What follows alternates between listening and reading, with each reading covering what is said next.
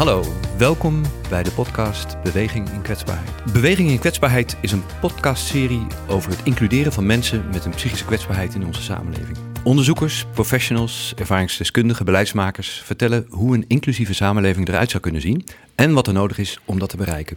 De podcasts zijn een verdieping en aanvulling op de gelijknamige talkshow-serie. Beweging in Kwetsbaarheid is een initiatief van Zonnemee, de Vereniging Nederlandse Gemeenten en Impuls Werkplaats.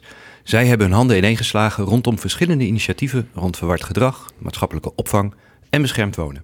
Deze aflevering gaat over het thema kennis en inzicht. Dat was op 28 januari het onderwerp van de eerste talkshow uit de serie over een inclusieve samenleving voor mensen met een psychische kwetsbaarheid. Vandaag bespreken we de maatschappelijke, sociale en persoonlijke problemen die met deze kwetsbaarheid samenhangen.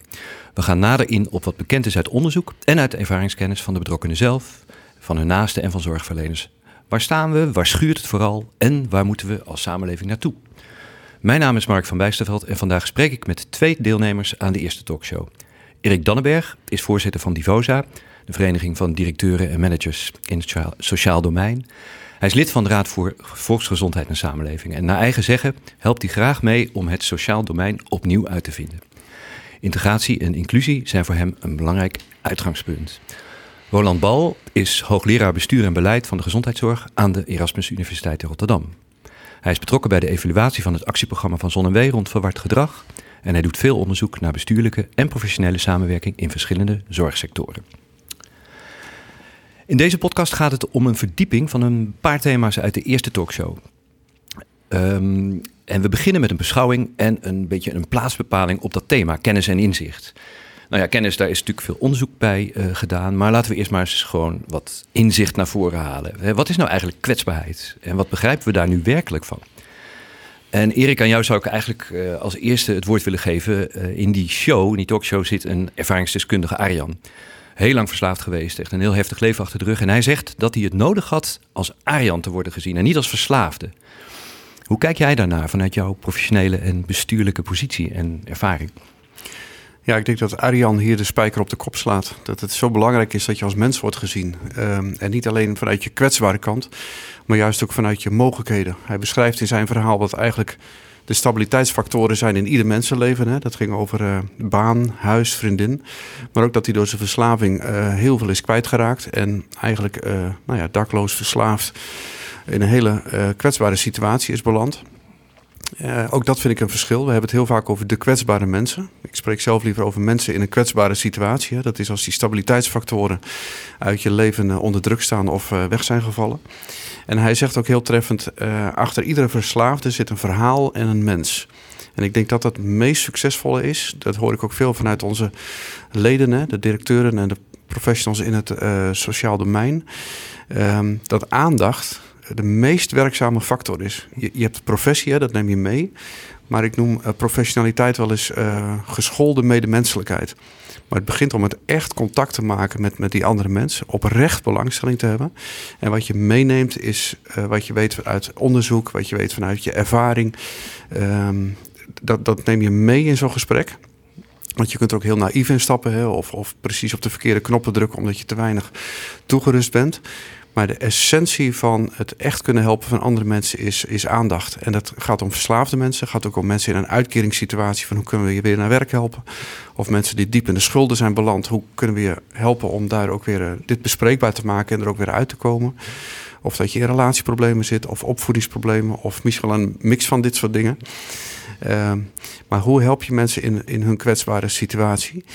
Waarbij um, ik me nog goed herinner dat ik een keer in een forumdiscussie zat en, en een aantal mensen daarin ook hadden het steeds over de kwetsbare mensen. En ik herinner me nog precies het moment waarop een mevrouw in een rolstoel, uh, die een beetje voorin zat, haar hand opstak, het woord kreeg en zei: Ik ben erachter gekomen dat we allemaal kwetsbaar zijn.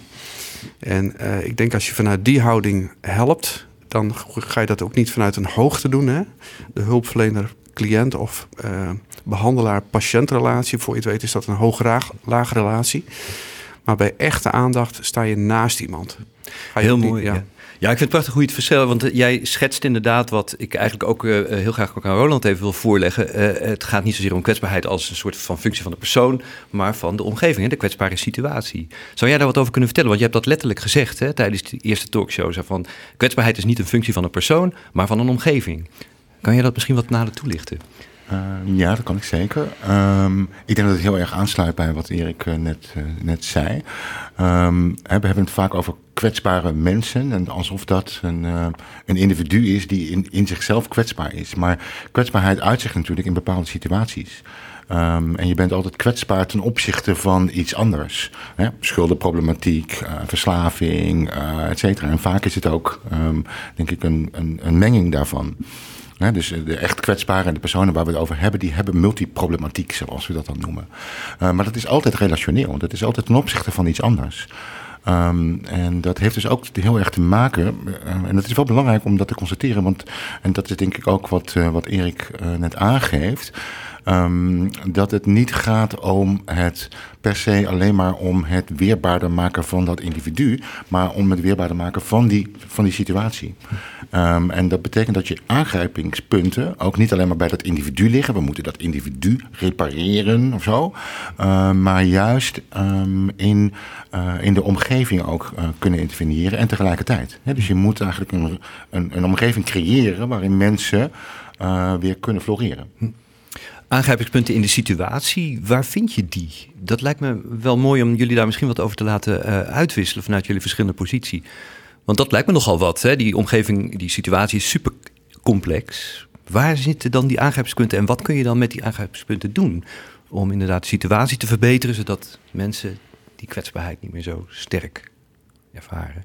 Kan jij daar wat over vertellen, Erik? Ja, zeker. Ik, ik uh, ben het erg eens met wat Roland zegt. Uh, problematiseer niet alleen op het individu, hè, maar kijk ook naar de context ervan. Uh, we maken in dit land uh, behoorlijk veel werk van laaggeletterdheid. Maar dat komt omdat we de slimme mensen richten een hoogcomplexe samenleving in.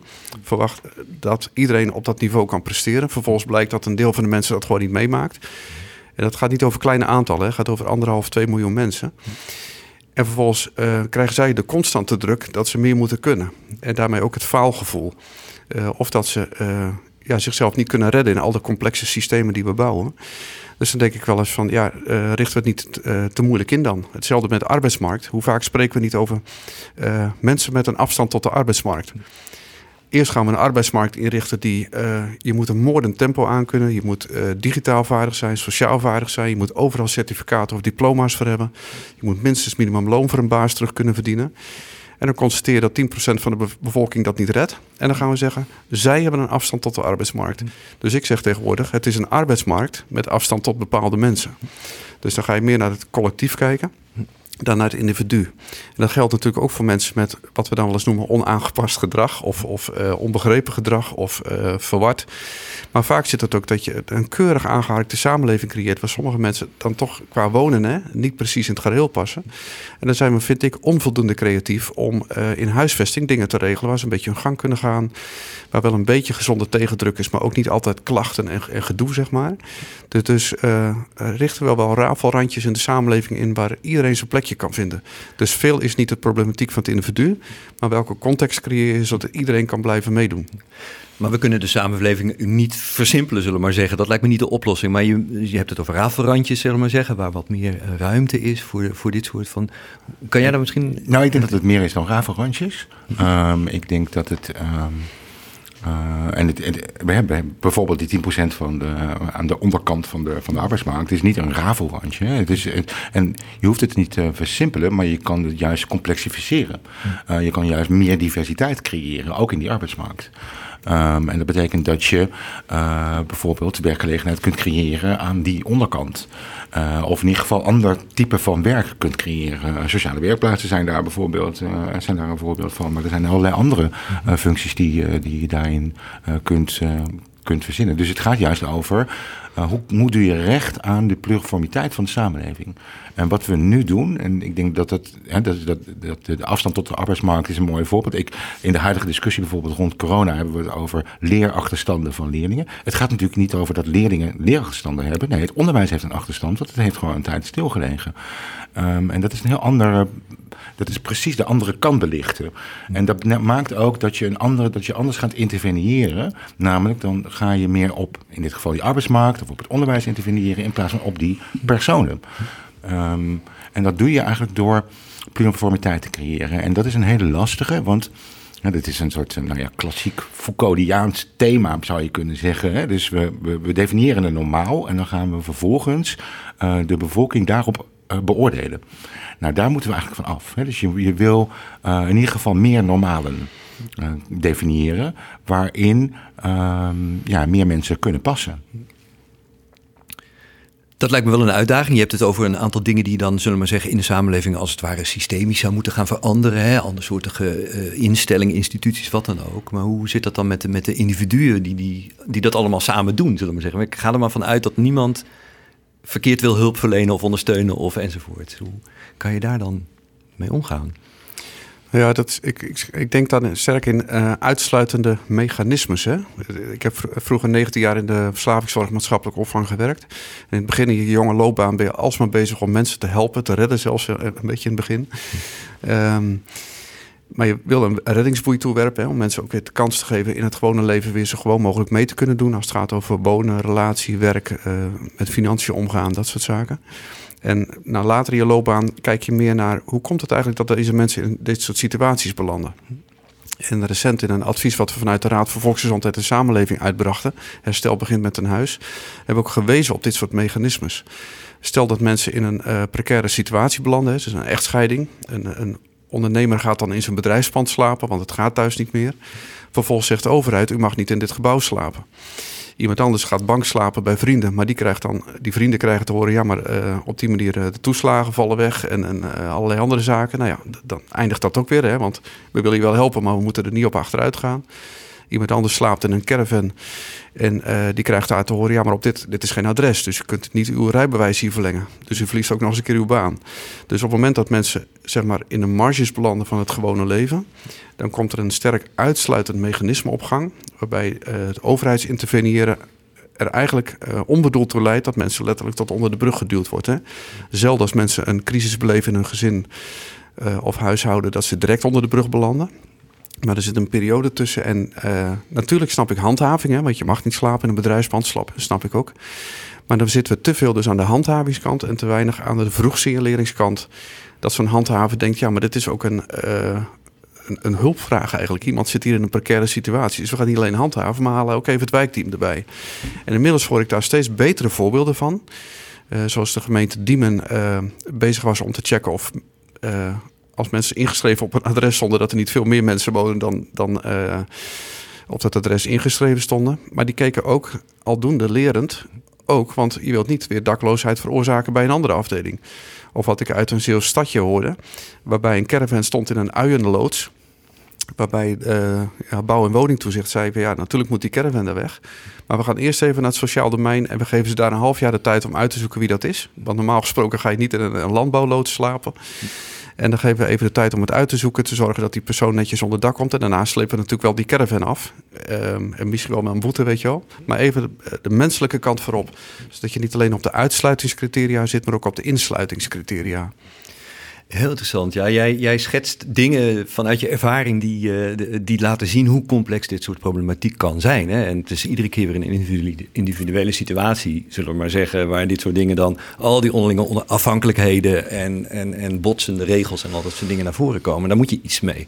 Um, wat mij betreft maken we een sprongetje naar, de, naar het tweede thema, want dat gaat er een beetje over. Uh, tijdens de talkshow is er ook een, uh, een onderzoek naar voren uh, gehaald, dus uitgebreid over verteld door Gijs Roelofsen. Um, onderzoek in Flevoland, waar ze allerlei politiemeldingen, want dan hebben we het heel concreet over die E33-meldingen uh, van mensen met verward gedrag. Uh, hebben ze van gedacht van oké, dat, dat loopt maar toe, het loopt maar op. Komt dat omdat er steeds meer mensen uh, verward raken? Nee, het lijkt er, we moeten gewoon eens even goed gaan uitpluizen. Wat gebeurt er nou heel concreet? Vanuit die melding gaan we achteruit en vooruit kijken en zien wat gebeurt er in die levens dan. En wat kan je daar dan uit leren, zullen we maar zeggen. En Bauke Koekoek die was ook aanwezig in die uh, uh, talkshow. En hij zei, je leert dat er onder het grote E33-oppervlak... veel meer differentiatie bestaat dan je misschien zou denken. Ronald, ik zou jou daar een vraag over willen stellen. Weten we nou intussen beter hoe die differentiatie eruit ziet? Dan hebben we het echt over kennis. Hè? Uh, we hebben tot nu toe vooral over inzicht, maar kennis. Wat, wat weten we daar nu eigenlijk van? En snappen we daardoor ook beter wat er echt aan de hand is? Ja, misschien even een bruggetje tussen die E33-meldingen waar we het net over hadden. Want die E33-melding is, is een, interessant fenomeen op zichzelf. Hè? Dus waar komt die nou vandaan? Wat is nou eigenlijk de achtergrond daarvan? Nou, die achtergrond is eigenlijk dat de politie ehm, eh, zich moet verantwoorden aan, aan, aan de basis, zeg maar. Aan, de, ehm, aan, het, aan het publiek ook. Eh, en daarvoor allerlei klassificaties heeft verzonnen.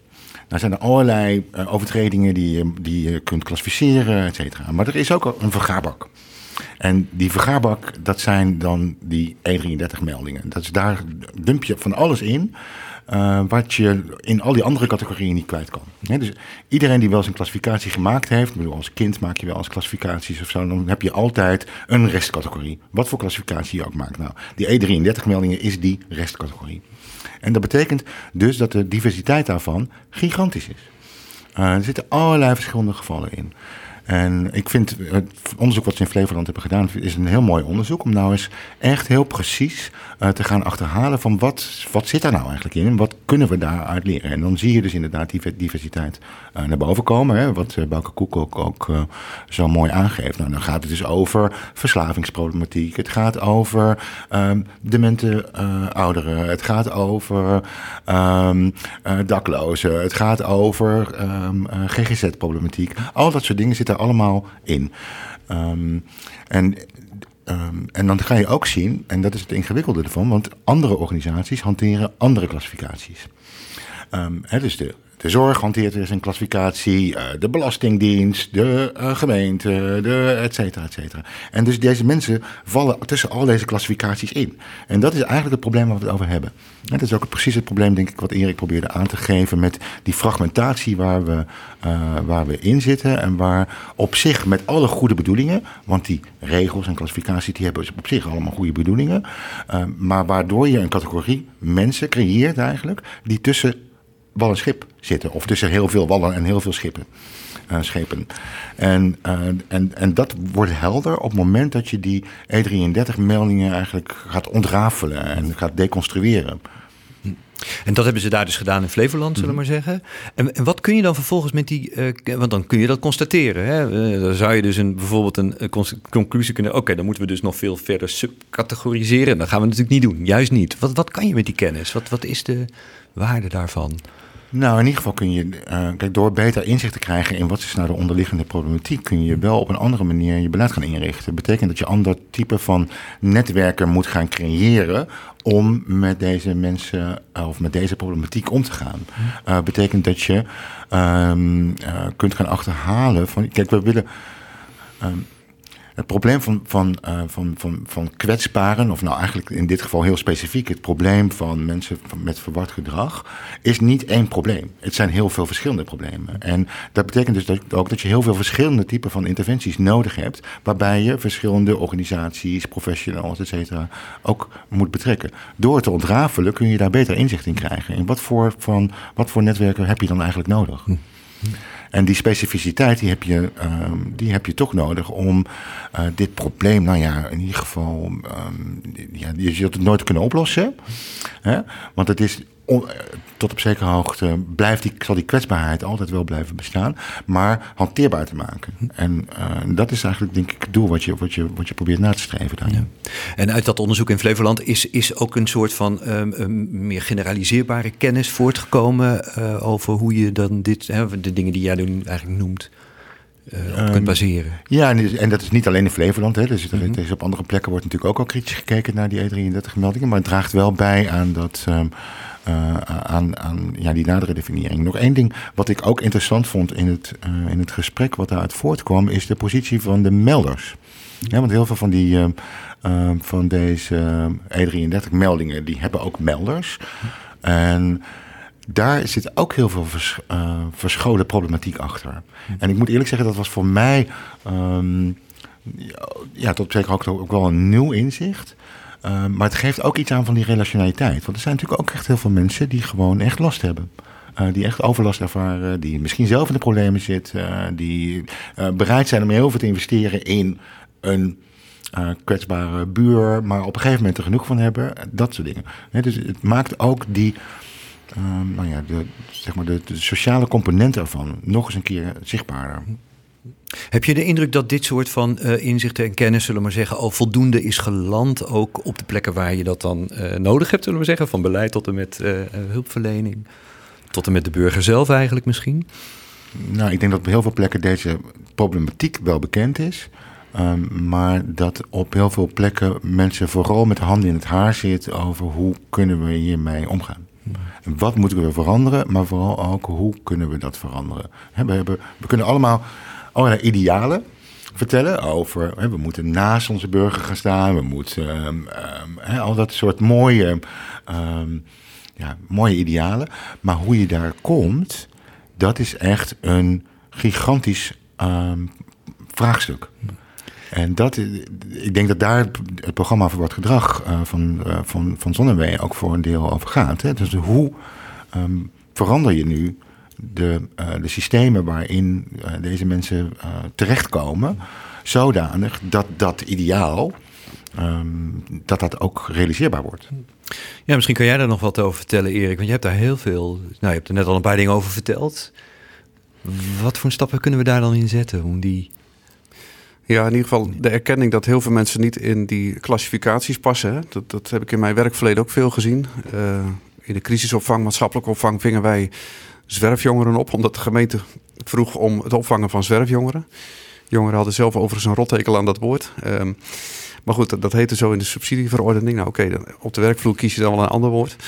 Maar later kom je eraan achter dat de, precies dezelfde jongeren op een andere plek heten ze uh, vroegtijdig schoolverlater, of laaggeletterde, of laagbegaafde, of delinquente jongeren, of nou, you name it. Uh, dezelfde jongeren die waren met ik weet niet hoeveel stickers beplakt. En die vielen dus in allerlei gefragmenteerde ondersteuningsverhalen. en dan zag je dat uh, bij jongeren of hele gezinnen. Dat als ze aardig waren, circuleerden daar 27 hulpverleners omheen. Want ze hadden allemaal een fragmentje om op te kunnen helpen. En als het een hete aardappel was, dan zag je niemand meer, want iedereen had een contra-indicatie. En dat, dat soort situaties zag je dan vaak op vrijdagavond in opvang belanden. En dat heeft me wel de ogen geopend, uh, waardoor ik aan het eind van die jaren zei: in Nederland word je goed geholpen als je één probleem hebt. Maar als je dus de, uh, die, die, echt die, multiproblematiek ontwikkelt. Dat is soms zware problematiek, maar soms is het ook heel veel, dat kwam in die uitzending ook al aan de orde, heel veel lichte problematiek, maar op heel veel levensterreinen. En op dat moment moet je dus, dat leren gemeenten op dit moment ook niet meer vanuit het perspectief van een afdeling naar de vraagstukken kijken. Van wij doen werk en inkomen, of wij doen jeugdhulp, of wij doen iets met schulden, of wij doen iets met uh, inburgering, of weet je wel, alle invalshoeken die er zijn. Maar op dat je het totale proces kantelt in um, de 100 werkbezoeken die we vanuit Divosa doen in gemeenteland, dat doen we elk jaar, halen we diepgaand op van uh, wat zijn nu de transformaties in jullie processen. En dan is het meest genoemd wat wij nu samenvatten met de term de radicale omkering. Wij kijken niet meer vanuit het perspectief van één verordening of vanuit één afdeling naar het vraagstuk. Maar het gaat om die ene inwoner zelf. En zoals de jongeren die ik net noemde, het gaat om Piet, het gaat om Marie of het gaat om Fatima of Ahmed. Die staat centraal, niet het aanbod. En dan ga je eerst een plan maken in samenspraak met de persoon zelf en diens familie en andere uh, naasten. En dat plan, later ga je pas kijken hoe je dat dan oplost. En een van onze leden in Twente zei... Nou ja, als van de participatiewet niet mag, dan noemen we het toch leefgeld jeugdzorg. Dan mag het wel. Weet je wel? Dus dan ga je creatief kijken van welke tools hebben we allemaal. En dan blijkt er al heel veel te kunnen. Wat ook van belang is, is dat je het sociaal-maatschappelijk domein, waar gemeenten vooral op acteren, en het medisch domein uh, goed uh, aan elkaar schroeft. Deels zit de gemeente daar ook in. Hè. Denk aan de jeugd GGZ of de taken die GGD'en doen. Maar soms zit het ook in andere domeinen. Denk aan de volwassen GGZ of uh, de eerste lijn. En nou, ik was in Vught op bezoek waar ze de wijk-GGD'ers goed gekoppeld hebben aan de gebiedsteams van de gemeente. En dan zie je dat kennis bij elkaar komt. En dan zeggen ze van hier hebben we iemand die nou, gedrag vertoont dat wij niet helemaal kunnen volgen. En we hebben drie keer hetzelfde gesprek gevoerd en het wordt niet beter. Ja, een, jongere van 17 met forse gedragsproblemen. Dat kan een opvoedingsvraagstuk zijn of drugsgebruik, maar het kan ook een tumor in zijn hoofd zijn. Of iemand die uh, zwaar problemen op straat maakt en met de buren in de portiek dat er niet meer mee te leven valt ja, dat, dat is soms gewoon een lastpak die te veel drinkt. Of weet je wel, dan moet je er ook goed naar kijken. Maar soms kan het ook een heel ontregelde suikerziekte zijn. En een groot succes daar was dat ze dat, dat medische en sociale domein goed aan elkaar klonken. Samen die casussen bespraken. Uh, en, en vandaar dat tot oplossingen komen. En ik denk dat is de toekomst. Dus dat je nieuw type gebiedsteams formeert waar dit soort expertises goed bij elkaar zitten. Betrekt er ook de wijkagent bij, de woningcorporaties, de, nou ja, de, de buurtburgemeester zeg ik wel eens, want die weet vaak ook precies wat er allemaal speelt in de straat. En um, daaromheen moet je dan nog weer regionale expertise teams hebben die je erbij haalt. Want dat stoort me wel. Zodra het problematiek naar de tweede of derde lijn gaat, dan zie je de verkokering weer maximaal. Dan is het weer gewoon volwassen GGZ en verstandelijk gehandicaptenzorg of niet aangeboren hersenletsel. En dan denk ik, breng dat nou eens bij elkaar in die, in die heel complexe vraagstukken. Kom uit je kokers en vorm regionale expertise teams die wijkteams bij kunnen halen op het moment dat ze er niet uitkomen. Heel interessant, ja. We gaan er zo meteen nog wat verder op door. Want uh, Roland weet vanuit zijn onderzoek ook heel veel over dat soort van aanpakken. Um, uh, toch nog eventjes om dat aspect van het kennisverhaal zo nog een beetje af te sluiten. Van, zijn er ook nog dingen die we echt... Je hebt het nu heel veel over echte praktijkkennis. Hè? Mensen, die moet je op een goede manier bij elkaar brengen. Dan kan je dus tot goede stappen komen. Maar is er ook nog vanuit onderzoek dingen die we gewoon echt nog onvoldoende weten. En waar we echt nog wel onderzoek op moeten zetten om, hè, zoals in Flevoland dan vanuit die E33-meldingen we gedaan, maar op allerlei andere, hebben we lacunes te vullen. Ik denk een heel belangrijke is het werken met ervaringsdeskundigen. Als ik daar echt een pleidooi voor mag doen, maar mensen die uit problematiek geklommen zijn, al dan niet met hulp, dan uh, hebben ze een schat aan kennis die ze ook weer kunnen inzetten. En ze spreken dan de taal van de mensen die in een vergelijkbare problematiek zitten. De gemeente Westerveld heeft nu iemand in dienst genomen die zelf uit de schulden geklommen is. Maar als geen andere bespreekbaar weet te maken met mensen die nog diep in de schaamte zitten. Nou, dat zie je rond uh, psychiatrie, uh, middelengebruik ook met laag IQ vind ik heel bijzonder wat daar ook soms gebeurt van mensen die uh, anderen weer weten te bereiken. En, en, breng dat ook bij elkaar. Het is nog te gescheiden van je bent of professional. Dat betekent dat je zelf geen probleem hebt, maar wel anderen wil helpen. Of je hebt uh, allerlei problemen, dan ben je ervaringsdeskundige. Ali Weerman van Hogeschool Windersheim, die brengt die twee ook bij elkaar. Bijna elke hulpverlener heeft zelf ook wel een rugzak waar een aantal dingen in zitten. En mensen die ervaringskundigen zijn, uh, die kunnen ook heel goed geschoold zijn. MBO, HBO, hoger. Um, breng ook dat nou goed bij elkaar in die teams. En dan heb je een gouden team om dit soort vraagstukken tegemoet te treden. Heel, dus de ervaringskennis is dus een heel belangrijk ja. fenomeen. Dat zit nog onvoldoende verweven in de manier waarop we überhaupt over deze hele problematiek onderzoeksmatig, zullen we maar zeggen, denken. Hoe zie jij dat, Roland? Of, uh... Nou ja, kijk, um, ik had net in mijn hoofd, je moet nooit een wetenschapper vragen of er nog onderzoek nodig is. Uh, want dan komt natuurlijk een enorme litanie aan, een hele onderzoeksagenda. Um, en ja, er is zeker onderzoek nodig. Uh, maar het is tegelijkertijd ook, we weten ook al heel veel. Hè? Dus van wat we al weten kunnen we ook echt uh, wel een bijdrage leveren vanuit de wetenschap. En mijn kennis gaat dan vooral over het inrichten van bestuurlijke processen in relatie tot werkvloeren met complexe problematiek. Dus, um, en niet op het domein van kwetsbare personen zelf. Want er zijn allerlei wetenschapsgebieden die daar veel beter in zijn dan, uh, dan ik dat ben. Um, daar is natuurlijk ook allerlei kennisontwikkeling nodig. Hè? Dus het gaat, gaat over specifieke interventies waar je meer over wil, wil weten, et cetera. Ik denk, wat Erik net noemt, die inzet van die ervaringsdeskundigen, dat dat een heel mooi, ook een heel mooi onderzoeksterrein is.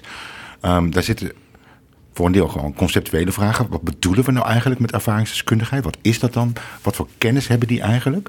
Um, en op wat voor momenten, en wat voor manieren zou je die kunnen inzetten? Um, in wat voor teams werken die nou het beste uh, samen? Hè? Wat voor rol zou je ze het beste kunnen geven? Daar liggen allerlei vragen die je gewoon in de praktijk kunt uitproberen, maar waar je ook onderzoek naar kan doen. Wat voor mij uh, echt een heel belangrijk en nog ja, niet onontgonnen, maar toch wel in, de, in het beginstadium van onderzoek is, um, is precies die problematiek waar Erik het eerder over had. Namelijk, je kan in de praktijk met teams voor elkaar krijgen. En daar kan je, hè, dus die multiproblematiek um, in, in kaart brengen. Daar zie je ook heel veel creativiteit. Zo van als we het niet zo kunnen labelen, dan kunnen we het zo labelen en dan wordt het wel mogelijk. Dus dan in welk, in welk wettelijk kader, welk financieel kader kunnen we het inbrengen? Ik noem dat creatieve bureaucratie eigenlijk. Want dan ben je eigenlijk met die wetten gewoon creatief aan de, aan, aan de, aan de gang. Um, het wordt moeilijk op het moment dat je dat op hogere lagen gaat brengen. En dat is nou juist het probleem. Dit is niet een het, is een, het, is een, het is een lokaal probleem, maar het is een gelaagd probleem ook tegelijkertijd. En dat betekent dus dat je heel goed moet kijken naar: oké, maar wat betekent dit nu voor het handelen van. Uh, van uh, zorgkantoren of van zorgverzekeraars of van de NZA of van het ministerie of van uh, en de verschillende ministeries. Hè? Want het gaat niet alleen maar over zorg, maar het gaat ook over justitie, het gaat over woonhuisvesting, het gaat over hè, eigenlijk alle domeinen van het leven. Um, en daar, die, die bureaucratie die daar is, Um, die, die natuurlijk ook belangrijk is, want we willen in een geordend land leven en we hebben bureaucratie nodig om efficiënt uh, te kunnen, uh, het land te kunnen organiseren, et cetera. Maar die moet ook flexibel worden. Nou, en hoe je die combinatie van die lokale creativiteit en, uh, en dat aanpassingsvermogen of het gebrek daaraan op op, op, op het midden- en hogere niveau, zeg maar, hoe je dat regelt, daar ligt een ongelooflijke belangrijke vraag. Hm. Uh, en dat weten we nog onvoldoende. Um, en we hebben, nou je ziet dat eigenlijk uh, op heel veel gebieden, zie je dat de hele tijd weer, uh, weer optreden. Ik heb me, bedoel, we, we, leven in pandemische tijden, dus ik hou me veel bezig met de coronacrisis momenteel en de besluitvorming daarover. En daar zie je dezelfde worsteling. Hè? Een worsteling met een definitie van de pandemie als een crisis, die top-down management veronderstelt, versus de worsteling van uh, lokale dingen. We hadden het net even over. We zitten hier aan tafel in uh, het Van der Valk. En jij neemt broodjes mee die je gekocht hebt elders, omdat ze hier niet mogen bedienen. Uh, nou, dat is onlogisch. Dus waarom is dat zo? Niemand begrijpt dat. Um, maar die combinatie van top-down en bottom-up, dat hebben we daar ook nog niet uitgevonden. En dat is, daar ligt echt een belangrijk vraagstuk. En dat is, dat is denk ik misschien wel het vraagstuk van onze, of in ieder geval voor mij, is dat het vraagstuk van onze tijd. Ja, jij benadert dat vraagstuk natuurlijk vanuit onderzoek, zullen we maar zeggen. Wat kan je dan vanuit onderzoek doen? Hè? Erik vertelt over mensen die dat benaderen vanuit de praktijk en dus inderdaad andere praktijken creëren zelf. Maar misschien toch om dat nog wat uit te diepen. Wat kun je als onderzoeker of als wetenschap daar aan bijdragen? Nou ja, dat, je kunt dus, en dat is wat, wat we ook in dit project uh, proberen, uh, maar wat, we, wat, wat ik met mijn groep in, in heel veel andere uh, projecten ook doe, is um, in de eerste plaats kijken van wat zijn nou de mechanismen die ervoor zorgen dat het in de praktijk kan gaan werken. Nou, en een van de mechanismen, eigenlijk waar, waar ik net ook op doende, doelde, is um, wat ik nou even vertaalde als creatieve bureaucratie, maar wat je ook een soort scharrelruimte zou kunnen noemen. Dus professionals moeten met elkaar, vanuit verschillende disciplines, he, dus vanuit de verslavingszorg, vanuit de um, uh, justitie, dus de politie, uh, vanuit woningbouwvereniging, vanuit misschien arbeidsmarktproblematiek of schuldenproblematiek, gezamenlijk aan probleemdefiniëring kunnen doen. Op gevalsniveau, of misschien op groepsniveau soms, moeten daar ook creatieve oplossingen voor kunnen bedenken. Uh, daarmee ook aan de slag kunnen gaan. Maar moeten zich tegelijkertijd ge, ge, gesteund voelen door een, uh, zeg maar hun bazen. Hè, waar ze zich aan moeten verantwoorden. Uh, maar ook publiek. Hè, want het gaat ook over het uitgeven van publiek geld. We kunnen niet zomaar van alles doen. Je wil ook geen willekeur in, in dit. Hè, maar je wil wel ongelijke monniken, ongelijke kappen. Dus je wil dat elk geval op zichzelf beoordeeld kan worden... zonder dat het willekeurig wordt. Nou, we weten dat een van de dingen, of een paar dingen die daarin werken, is dat je professionals dat onderling moet doen. Dus nooit één professional dat helemaal in zijn eentje laten doen. Maar altijd in gesprek met elkaar, kritisch naar elkaar blijven, elkaar bevragen. Um, en, en, en dus, ja, wat is nu de situatie? Wat kunnen we nu doen? Um, maar tegelijkertijd heb je die bureaucratische backing nodig. En dat is wat die scharrelruimte is. Dus die scharrelruimte is er niet zomaar, die moet je creëren. Dus je moet van je, van je baas uh, moet je een zekere vrijheid krijgen om daarin ook te kunnen opereren. En belangrijk, ook een vrijheid om fouten daarin te kunnen maken. He, want dat is natuurlijk het mechanisme waar we voortdurend in zitten. Op het moment dat er een fout wordt gemaakt, dan gaat iedereen roepen: zie je wel, ze, moeten, ze houden zich niet aan de regels, et cetera. En dan gaat het weer terug. Dan wordt die schouwruimte weer ingeperkt. En dus je moet ook de ruimte krijgen om fouten te maken. Dat is heel belangrijk. Ja. Nou, dit soort mechanismen eigenlijk dragen eraan bij dat je in de praktijk dit soort dingen kan doen. Hoe je dat dan vervolgens precies doet en hoe je dat ook volhoudt. Uh, en wat dat vergt ook van die bazen. Uh, maar ook misschien wel van, van het publiek. Uh, dat is nog een andere vraag. Oké. Okay. Je hebt het net over eh, het project. Waar je, is dat dat onderzoeksproject Dat waar jij ook over vertelde met Violet eh, Petit samen? Ja, oké. En dat gaat over, eh, ik geloof wel 500 eh, eh, onderzoeken. Of hoe kan je dat even kort toelichten? Wat je Ja, dus het programma, ehm, eh, eh, het programma Aanpak voor het Gedrag van Zonnewee is, is eigenlijk een heel groot, je zou kunnen noemen bijna experimenteel programma, waarin ehm, ja, vanuit de bouwstenen die ooit gedefinieerd zijn door het AJAG-team en later door andere teams, ehm, heel veel projecten zijn gesubsidieerd eh, vanuit allerlei verschillende instellingen op regionaal niveau, eh, waarin nou ja, soms gewoon voorzieningen worden ontwikkeld. Hè, dus bijvoorbeeld alternatieve vervoersdiensten, dat soort dingen. Ehm, maar waarin ook allerlei ja, nou ja, experimenten zou je, zou je het kunnen noemen gaande zijn. Zonder dat dat nou wetenschappelijke experimenten zijn, maar het is meer ehm, ja, proberen, gaat dit werken? En bijvoorbeeld dat, eh, eh, dat, dat, die, dat onderzoek naar die E33-meldingen, ehm, nou, dat gebeurt natuurlijk op veel plekken. Dus het gaat over processen van vroegsignalering, maar het gaat ook over hoe kun je ehm, zeg maar de maats- maatschappij meer betrekken. Het gaat over inzetten van ervaringsdeskundigen. Al dat soort eh, projecten worden, worden daarin gedaan. En waar wij naar op zoek zijn, is niet zozeer werkt deze interventie nou, want dat, we kunnen dat ook voor 500 dit- we projecten helemaal niet doen. Hè? Dus, dan had zonder, wij ons echt veel meer geld moeten geven. Eh, maar dat is ook niet per se nodig.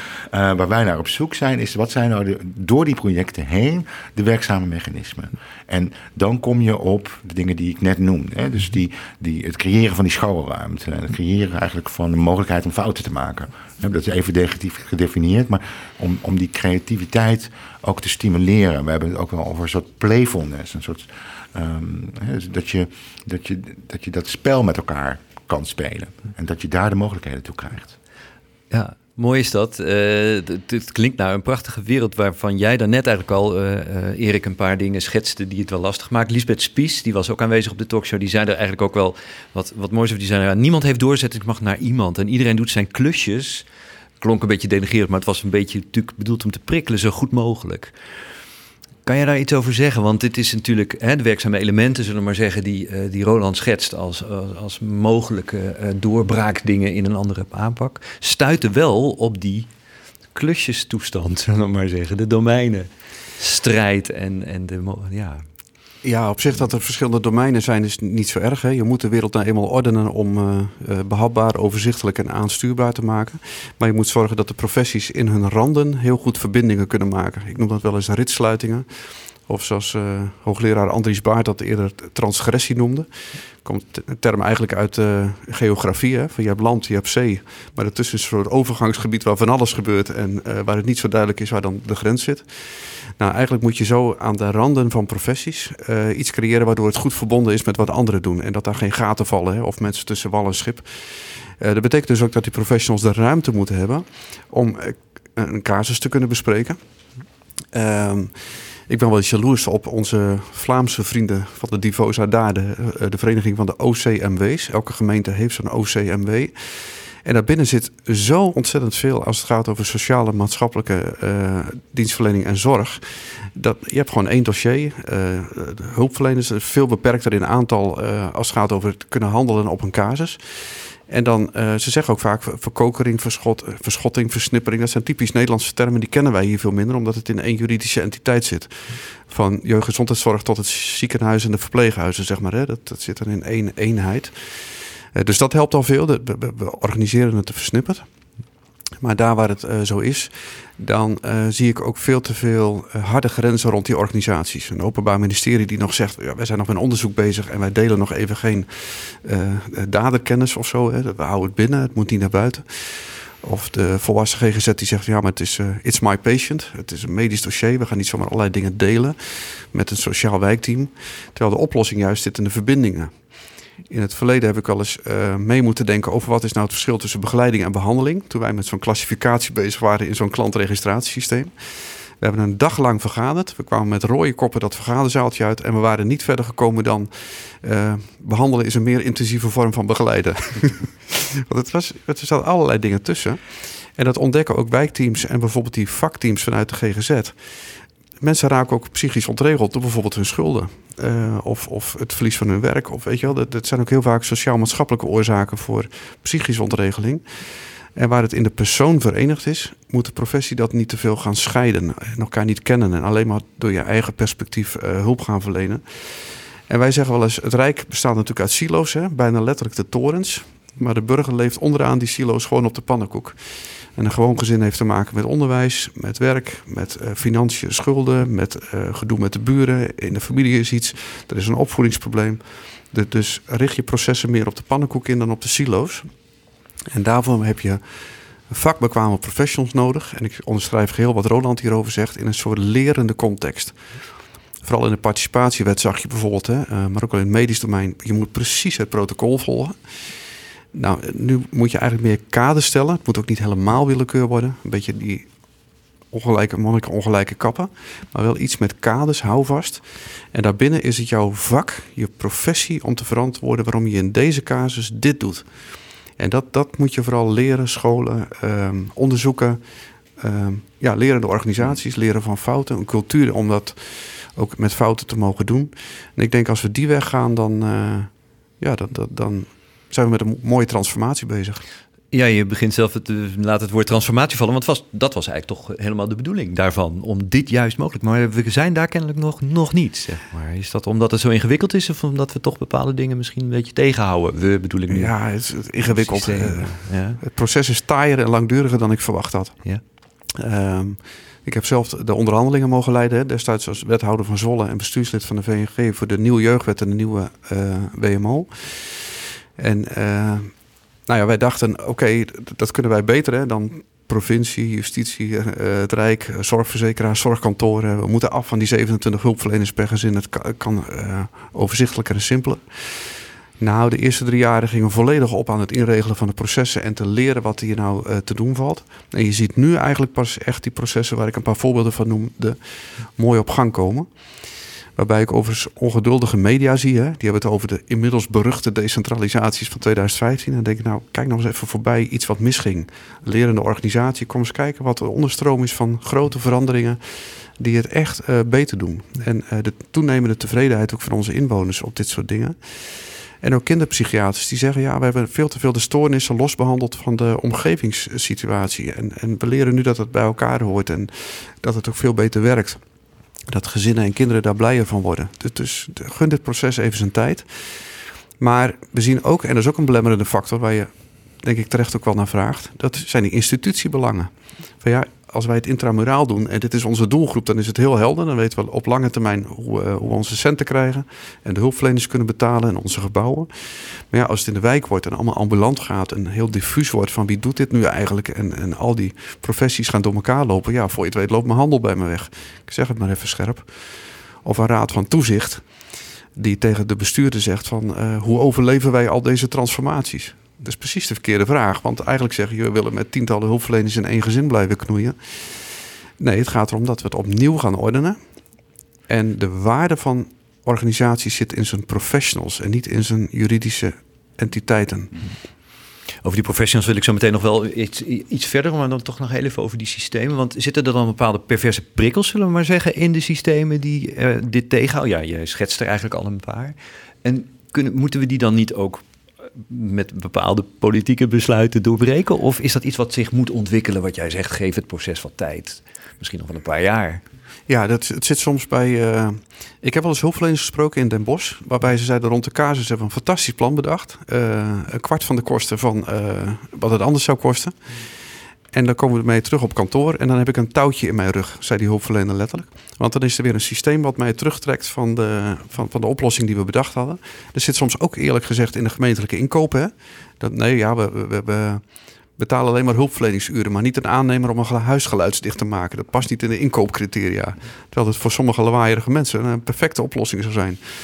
Um, en, en dat uh, vermogen om. Uh, uh, een beetje voorbij te gaan, al die inkoopmodellen. Of uh, dat er een manager zegt van ja, maar op deze manier haal ik mijn productie niet.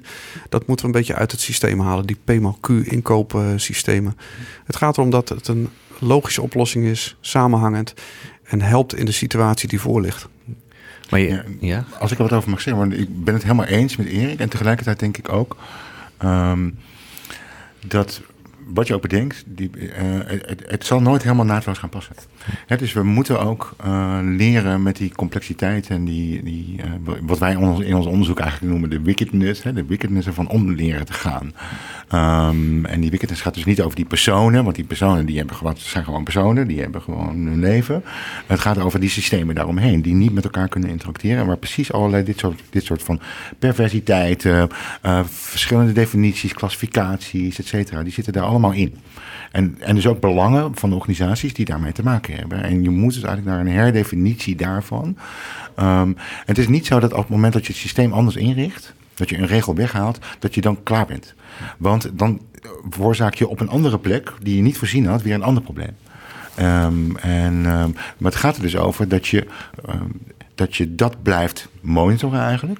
En ook op die meerdere niveaus eigenlijk die creativiteit mogelijk maakt om tot oplossingen te komen. Want natuurlijk uh, kan het zo zijn dat je in dit ene geval wel uh, die, uh, dat muurtje extra moet bouwen.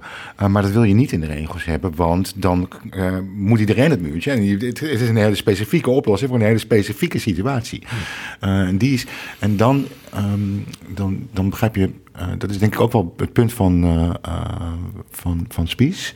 Dat zij zegt van die, over die door, doorzettingsmacht. Want dan wil je eigenlijk ook instanties hebben. Het hoeft niet een persoon of een organisatie te zijn, maar iets in, um, um, in, een, in, een, uh, in bijvoorbeeld een gemeente. Um, en dat kan een stadsmarinier zijn of iets dergelijks. Uh, die gewoon zegt: in dit geval lossen we het zo op, punt.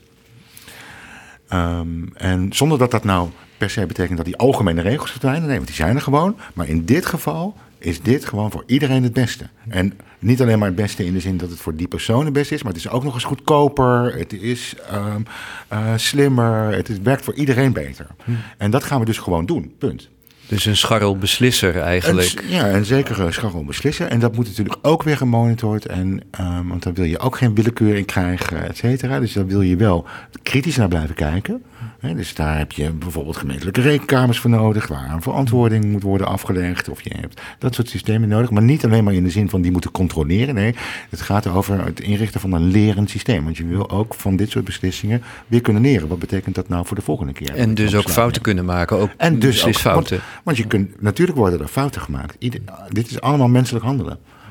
Oh, of nou ja, zelfs als het machinehandelen zou zijn, dan zou het ook fouten. En dan zou misschien niemand het opmerken. Maar um, er worden altijd fouten gemaakt.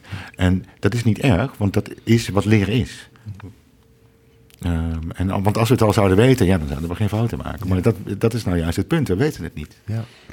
Dat wordt denk ik nog best wel een cultuurdingetje, want we hebben natuurlijk wel een politieke cultuur waarin uh, afrekenen op bijvoorbeeld uh, fouten enzovoorts een beetje, uh, ja, misschien kan jij daar wat over vertellen. Ik heb ervaring mee, Erik. Ja, ik denk wat Roland terecht ook eerder aanduiden van professionals moeten zich gesteund worden, voelen door hun managers, directeuren, maar uiteindelijk ook door het stadsbestuur.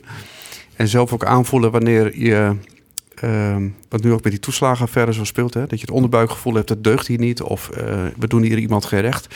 En dat je dan ook een casus even een tafel hoger uh, brengt. Ik weet zelf, zelf, nog in mijn wethoudersjaren in Zwolle... dat de WMO-afdeling een keer bij me kwam. Dat vond ik echt te prijzen, want ze kwamen er niet uit. Dus, dus nou, dan leg je het even voor. Dan, dan geeft het ook even de kans om bestuurlijk mee te denken. Hè? Je kunt niet elke casus bespreken, maar het gaat om de cultuur die je samen creëert. Dit ging om een dakloze man met een hondje. En die, uh, hij weigerde altijd om in de opvang te slapen, zelfs als het vooral buiten. Want hij, de hond mocht die opvang niet in en hij wilde zijn hond niet in de steek laten. En hij vond ook, winters moest je niet binnen gaan slapen, want dan was je niet meer gewend aan, aan de temperatuur buiten. Dus eenmaal binnen, altijd binnen. en dat wilde hij niet, dus hij sliep altijd in zijn bakfiets. Nou had hij een uh, hartoperatie gehad en een paar omleidingen. En hij had geen conditie meer om die bakfiets vooruit te krijgen. En hij vroeg om een woningaanpassing op zijn bakfiets, volgens de WMO-verordening. Hij vroeg namelijk of dat ding elektrisch gemaakt kon worden. Maar ja, er was een woningaanpassing, maar dat paste natuurlijk op geen kant in die WMO. Een bakfiets is geen woning. dus ze legden het wel voor. Ik zei, nou ja, voor hem is het zijn woning. Dan doen we toch gewoon. De geest van de verordening is, is dat, we, dat we zijn woning aanpassen. Als hij om een huis vraagt, is het tien keer zo duur. Hè, als je ziet wat er allemaal gebeuren moet. En hij wil dit. Ja, maar de precedentwerking dan. Ja, hoeveel daklozen in een bakfiets met een hondje hebben wij in Zwolle? dat is niet zoveel, weet je wel. Dus hoe groot is die kans nu? Dat iedereen ineens zo gaat leven. Dus we hebben die bakfietsen aangepast. Nou, dat is even de, de, geest van denken. Het is maar één voorbeeld. Maar ik, ik hou daarvan dat je, dat je uh, in de organisatie een cultuur creëert om op die manier te doen. En als je toch iets doet en het loopt uit de hand, nou dan is het nog vroeg genoeg om dan een keer weer bij te stellen. Maar dan moet je wel ook, zeg maar, ook bestuurlijk ten opzichte van de gemeenteraad kunnen zeggen: joh, het past er niet in de verordening, maar we hebben het wel gedaan. En om die reden vond ik het verstandig. Ja. Of zoals een wethouder uit Brabant pas een keer zei: als mijn gebiedsteam samen met een gezin een plan maakt, dan voeren we dat uit. En als ik vanwege de participatiewet dan voor het hekje moet om het uit te leggen, dan leg ik het uit. En dat creëert een cultuur om uh, op deze manier uh, te gaan werken. En uh, dus niet een regeltje centraal, maar de persoon. Zonder dat het willekeur wordt, zeg ik nog steeds. Nou, dat is wel een belangrijk punt. Want ik wil dan nog even, om dit, dit deel van, de, van het gesprek af te sluiten, even een kleine knuppel in het hoenderhok gooien. Die uh, Bouke Koek ook naar voren bracht in, op een hele andere plek. Namelijk in een andere podcast waar hij ook spreekt over deze the thematiek. Uh, voor de correspondent, we zullen de link eventjes uh, ook op de website zetten. Um, maar hij zegt van ja, de, manier waarop we dus nu als professional, zullen maar zeggen, zouden moeten gaan werken, in dit soort hele complexe gevallen is ook een hele persoonlijke. Dus het wordt ook wel bijna een soort één op één relatie. Uh, natuurlijk is het een team, maar er is iemand die dan echt zich helemaal toewijdt tot die persoon. Maar daar zit ook een enorm risico in, zegt hij.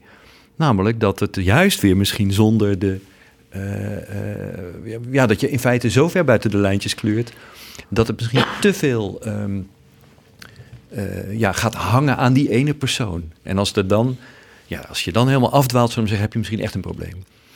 Ik stel het bewust even heel scherp, maar is dit inderdaad een risico of moeten we daar niet al te bang voor zijn? Ja, zoals het eerder aan de orde was, um, je moet dit wel in teamverband doen. Er is ooit een prachtige uitzending geweest over uh, de sociale dienst in Zutphen. Uh, Sta me bij heette dat. Waarbij ook echt een team van collega's elkaar de maat zag nemen in van hoe, hoe diep ga je nou een casus in? Uh, ga je niet te veel mee met nou, de vreemde situatie die sommige inwoners steeds weten te creëren? Ben je van de regels of ben je van, van het relatiegerichte? In het verleden probeerde ik teams daar wel eens op samen te stellen. Hè? Ben je nou helemaal regelgericht of ben je nou helemaal persoonsgericht? En dan teken ik een lijntje en dan liet ik mensen een kruisje te zetten van ben je relatiegericht of systeemgericht.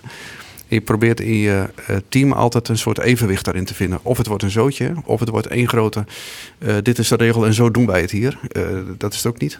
Dus je moet een soort ja, checks en balances in je team hebben. En dat professionele gesprek ook steeds voeren. Goede praktijkbegeleiders hebben die dit soort dingen ondersteunen. En uh, maatwerk, dat klinkt natuurlijk duur hè. Um, maar met de doorbraakmethode die ik ook van het Instituut voor uh, Publieke Waarden zie. Uh, kan het ook weer miljoenen besparen. Doordat je niet in die, die gons van talloze niet afgestemde interventies blijft zitten. Waardoor mensen soms dieper in de prut zakken en ontzettend veel geld kosten. Ik hoor steeds dat een hele kleine groep uh, soms wel 30% van het uh, sociaal domeinbudget kosten. Dus, dus, dus daar, daar uh, en dan heb ik het alleen maar over het sociaal domein, nog niet over al die andere systemen eromheen. En ik denk dat daar nog veel slimmer te werken valt. Maar dat is inregelen, dat is een lange termijn. En ik ben, niet, ben benieuwd onder welke gesternte, want ik denk wat we nu hebben in het sociaal domein is nog relatief veel versnipperde losse wetten, waar mensen allemaal gelijktijdig in kunnen zitten participatiewet, jeugdwet, WMO, inburgering, schuldhulpverlening, uh, iets met sociale werkvoorziening nog, in welke regeling dan ook, uh, publieke gezondheid. Er zitten, allerlei systemen om elkaar, schuldhulp. Het liefst zou ik een keer één wet op het sociaal domein zien, die ook duidelijk redeneert van een meer samenhangende mensvisie. En dat nog weer beter geklikt tussen aan eerste lijn en een aantal andere grote systemen. Maar dat is nog toekomst. Maar ik hoop dat dat ook nog een keer uh, goed wordt doorgezet. Een mooi politiek pleidooi. Uh, kan jij er nog wat over zeggen, Roland, over dat hele verhaal van die... Hè, Erik schetst dat je dat als je dat als team doet, dan kan je dat risico, zullen we maar zeggen, ja, verminderen. Ja. Ja, nee, ik kan zeker. En ik, ik heb ook naar die podcast van, uh, van Bouke Koek geluisterd, van de correspondent. En uh, hij, uh, hij, hij, is terecht. Hè? We hebben natuurlijk we hebben soms ook wel een beweging. Dat we weg met de regels en moet allemaal weer naar die professionals. Um, nou, dat hebben we. We hebben een tijd gehad waarin we dat hadden.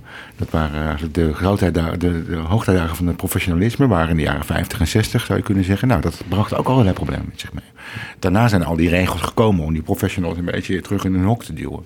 Nou, daarvan merken we nu dat werkt ook niet. Ja, dus um, um, geen van beide uitersten uh, werken. Uh, maar wat wat in ieder geval een beetje beter werkt, is precies die teams. Om je een voorbeeld te geven, we hebben een paar jaar geleden hebben we gekeken in ziekenhuizen naar uh, uh, wat zijn nou goed presterende teams. En daar ehm, zijn, we, zijn een beetje rond gaan hangen. Dat is wat we vaak doen in ons onderzoek. Dan gaan we een beetje rondhangen. Dan gaan we met iedereen kletsen en een beetje meelopen. En kijken, wat doen ze nou? Gewoon niet beoordelen met wij weten wat goed is en dan gaan we kijken of jullie dat doen. Nee, maar kijken hoe doen jullie goed. Wat daar sorry, enorm belangrijk in was, is dat zij voortdurend met elkaar in gesprek zijn. En multidisciplinair. Dus niet alleen maar de artsen onderling, of niet alleen maar de verpleegkundigen onderling, of de, uh, de apotheek of dat soort dingen, maar iedereen bij elkaar. Dus die praten voortdurend met elkaar over een patiënt. Wat moeten we nou doen met die patiënt? Tweede wat ze doen, is dat ze voortdurend van de regels afwijken. Dus er zijn heel, veel richtlijnen in zo'n ziekenhuis, kan je je voorstellen. Hè? Een, gewoon ziekenhuis moet misschien wel, weet ik veel, 3500 richtlijnen volgen. Nou, uh, dat doen ze niet. Uh, ze volgen wel, ze weten, ze kennen die richtlijnen, maar ze kijken wat heeft deze persoon nodig. En niet volg ik de richtlijn, maar wat moet ik in dit geval doen voor deze persoon. En zo, um, en, en, maar ze komen ook in de problemen, want ze moeten zich ook verantwoorden. Dus ze duiken ook een beetje in de organisatie. Dat is ook wat veel professionals doen. Die gaan dan een beetje, nou ja, um, nou ja zekere creativiteit. Um, en dat heeft er ook mee te maken, en dat is denk ik ook wat uh, waar Erik op duidt, dat je zeker, ja, je hebt die bestuurlijke backing nodig. Dus je hebt ook bestuurlijke moed nodig. Je hebt iemand nodig die voor jou uh, de kastanjes uit het vuur halen op het moment dat je bijvoorbeeld inderdaad in een, uh, dat voor, in, in een rechtszaal moet doen of voor de media moet doen of iets dergelijks. En die backing, en dat is wat ik dan noem het creëren van die binnenruimtes, van die schoolruimtes, die is, die is nodig. En die combinatie, nou daarvan beginnen we wel langzaam te leren dat dat um, goed, goed kan werken. Maar die moet je dan wel creëren.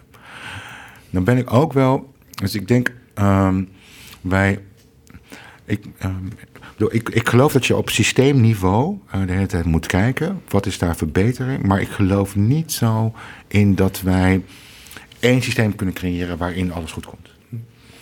Um, dus we zullen altijd. En het is nu wel heel erg knopen, dat ben ik uh, met Erik eens. Hè? Dus het is al die gefragmenteerde wetgeving die je voortdurend aan elkaar moet zien te knopen. Um, maar elk systeem heeft zijn eigen problemen. Um, en dus het betekent dat je kritisch moet blijven naar het systeem en tegelijkertijd moet werken aan die mogelijkheid van teams van professionals om te knopen. Dat is eigenlijk de combinatie. Ook een mooi pleidooi, dankjewel.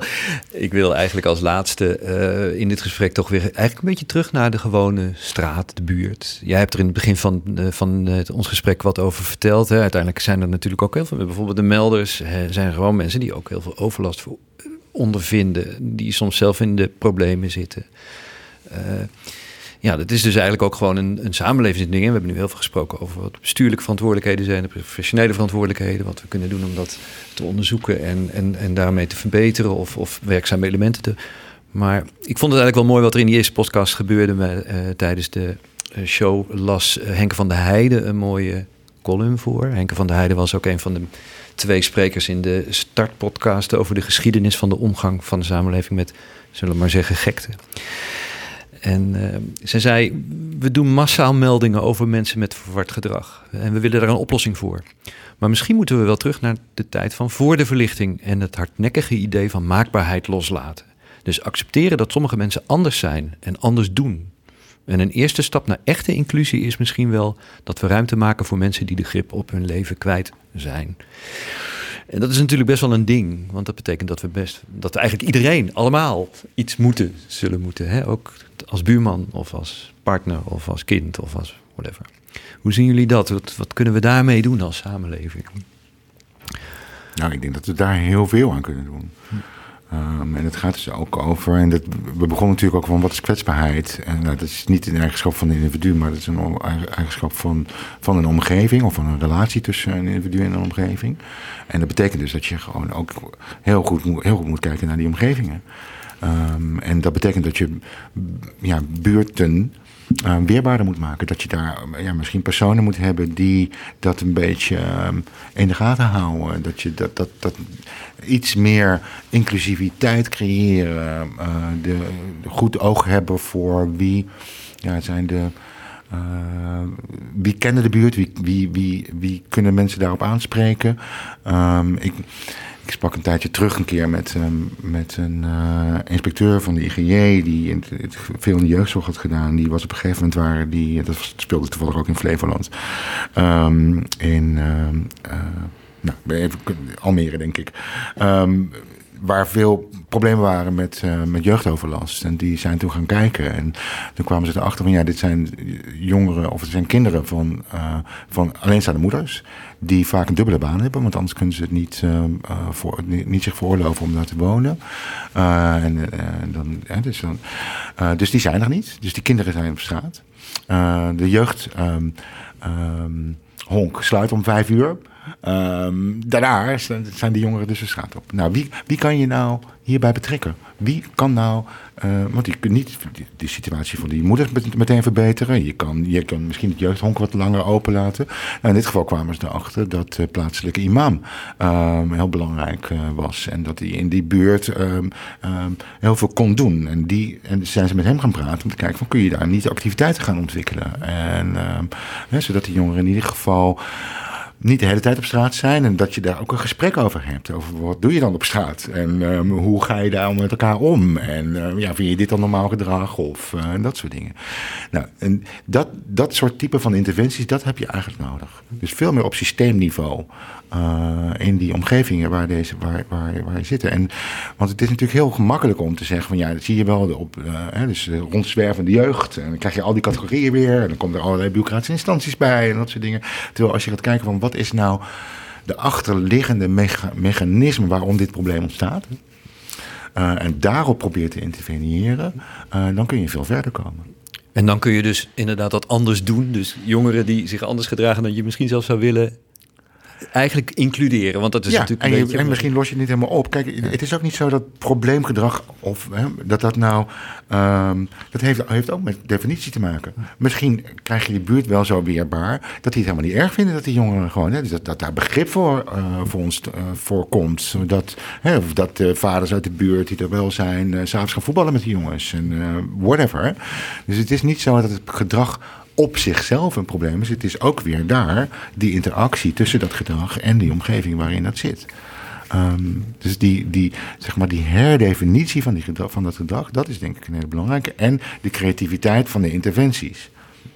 Um, op, op, op het niveau van die mechanismen van het systeem zoals hier dan in Almere of ja, ja Flevoland gebeurd is. Ja, ja precies. dat is maar een voorbeeld. Maar dat is eigenlijk denk ik uh, uh, ja, de, de soort van de systematiek of de logica die daar, die, die je moet zien te doorbreken. En dat kan alleen maar door op creatieve manier te kijken naar wat zijn de achtergronden van bepaald gedrag en in welke omgevingen uh, ontstaat dat. Nou, je hebt daar vast ook al uh, nog wat over te vertellen, Erik. Uh, nou ja, je... Wat je hieruit haalt is dat heel veel sociaal-maatschappelijke problemen ontstaan omdat het in andere grote systemen niet, niet deugt. Uh, denk aan uh, de manier waarop mensen met stapelbaantjes rond moeten zien te komen. De extreme flexibilisering van arbeid in Nederland vergeleken bij de rest van Europa en de wereld. Uh, waardoor mensen op allerlei mogelijke manieren moeten zien financieel het hoofd boven water te houden. Wat dan vervolgens zich vertaalt in, in, in uh, nou ja, overlast, jeugdproblematiek en, en uh, kansarmheid voor je eigen toekomst hè, als jongere. En dat zit dus fundamenteel niet goed in die bestaanszekerheidskant. Die betreft natuurlijk het rond kunnen komen in het land. We hebben anderhalf miljoen Nederlandse huishoudens die diep in financiële problemen zitten. Dat, dat is niet alleen een kwestie van een paar domme, stoute of onhandige mensen. Daar zit een structuurprobleem achter. We hebben ook nog 330.000 woningen tekort in Nederland. Er komt ontzettend veel jeugdellende en allerlei andere toestanden voort uit het uh, gebrek aan woningen. Het lijkt wel een stoelendans. Als je huis kwijt bent, kom je ook de woningmarkt bijna niet meer op. En zeker niet als je schulden hebt. Dan heb je niet eens geld om uh, de borg te betalen voor je volgende woning, zal ik maar noemen. Dus het zit fundamenteel al niet goed in een aantal grote andere systemen dan het sociaal domein. Maar de gevolgen heb je wel in het sociaal domein en in bijvoorbeeld de volwassen GGZ. En dat, uh, dat vraagt ook veel meer aandacht. Er zijn ook rapporten van de Wetenschappelijke Raad voor het Regeringsbeleid. Ook de commissie Boslab zegt daar veel over. Dat we iets moeten doen aan de onzekerheid in die, uh, bijvoorbeeld in de arbeidsmarkt. En de woningmarkt is natuurlijk ook een hele actieagenda wonen uh, aan het ontstaan onder aanvoering van Martin van Rijn, die vanuit Edes dit nu, uh, nu doet. En ik hoop ook echt dat we daarin dus meer stabiliteit in onze samenleving brengen. Waardoor je minder uh, erft in allerlei uh, sociaal-maatschappelijke toestanden. En ik denk dat zou echt een agenda moeten worden, ook voor het nieuw kabinet. Om veel meer die bestaanszekerheid te gaan borgen op tal van terreinen. En het heeft soms ook te maken met hoe kijk je naar overlastgevende jeugd. Ik hou echt van welzijnswerk. Ik kom mezelf uit voort, zou ik kunnen zeggen. Maar de, uh, soms is dat ook een beetje te veel old school en op de ouderwetse manier van proberen contact te maken met overlastgevende jongeren. Eén gemeente heeft dat een keer over een ander boeg gegooid en gewoon echt als aanbesteding op de markt gezet. En toen kwam er een plaatselijke bank en een aantal ondernemers. En die zeiden: Wij willen geen overlastgevende jeugd zien, wij willen potentiële werknemers zien. En zo gaan wij ze bejegenen. Dus even vanuit een totaal ander discours het gesprek aangaan. Dat was ook een periode van hoogconjunctuur. Iedereen had problemen om werknemers te vinden. En ineens merk je dat soms een hele andere invalshoek dan wel gaat werken. En nou, daar hou ik wel van dat je dus constant vernieuwt in het uh, uh, kijken wat werkt nu in deze situatie. Prachtig. Aansluiten bij die concrete leefwereld hè, van eigenlijk iedereen. Van gewoon burgers, van jongeren tot en met uh, mensen met Vlaamse problematiek. Van bestuurders, professionals tot, uh, nou ja, onderzoekers bijvoorbeeld. Erg mooi. Um, ja, ik wil het hierbij afronden. Ik dank jullie ontzettend uh, voor jullie uh, bijdrage. Echt een prachtig gesprek, denk ik. Met heel veel materiaal ook voor de volgende podcast. want deze aflevering ging over het the thema kennis en inzicht. Ik denk dat we heel veel interessante inzichten, zullen we zeggen, ook en, en, ook kennis naar voren hebben kunnen halen. Um, de volgende show die is op dinsdag 2 maart 2021. En ook weer van 4 uur tot half 6 online te bekijken. En dan is het thema de leefwereld centraal. En ook daarover maken we dan daarna weer een podcast met twee experts op dat terrein. Dus graag tot de volgende keer. Ik ben Mark van Bijsterveld. De techniek was in handen van Jonne Seriese. Bedankt voor het luisteren.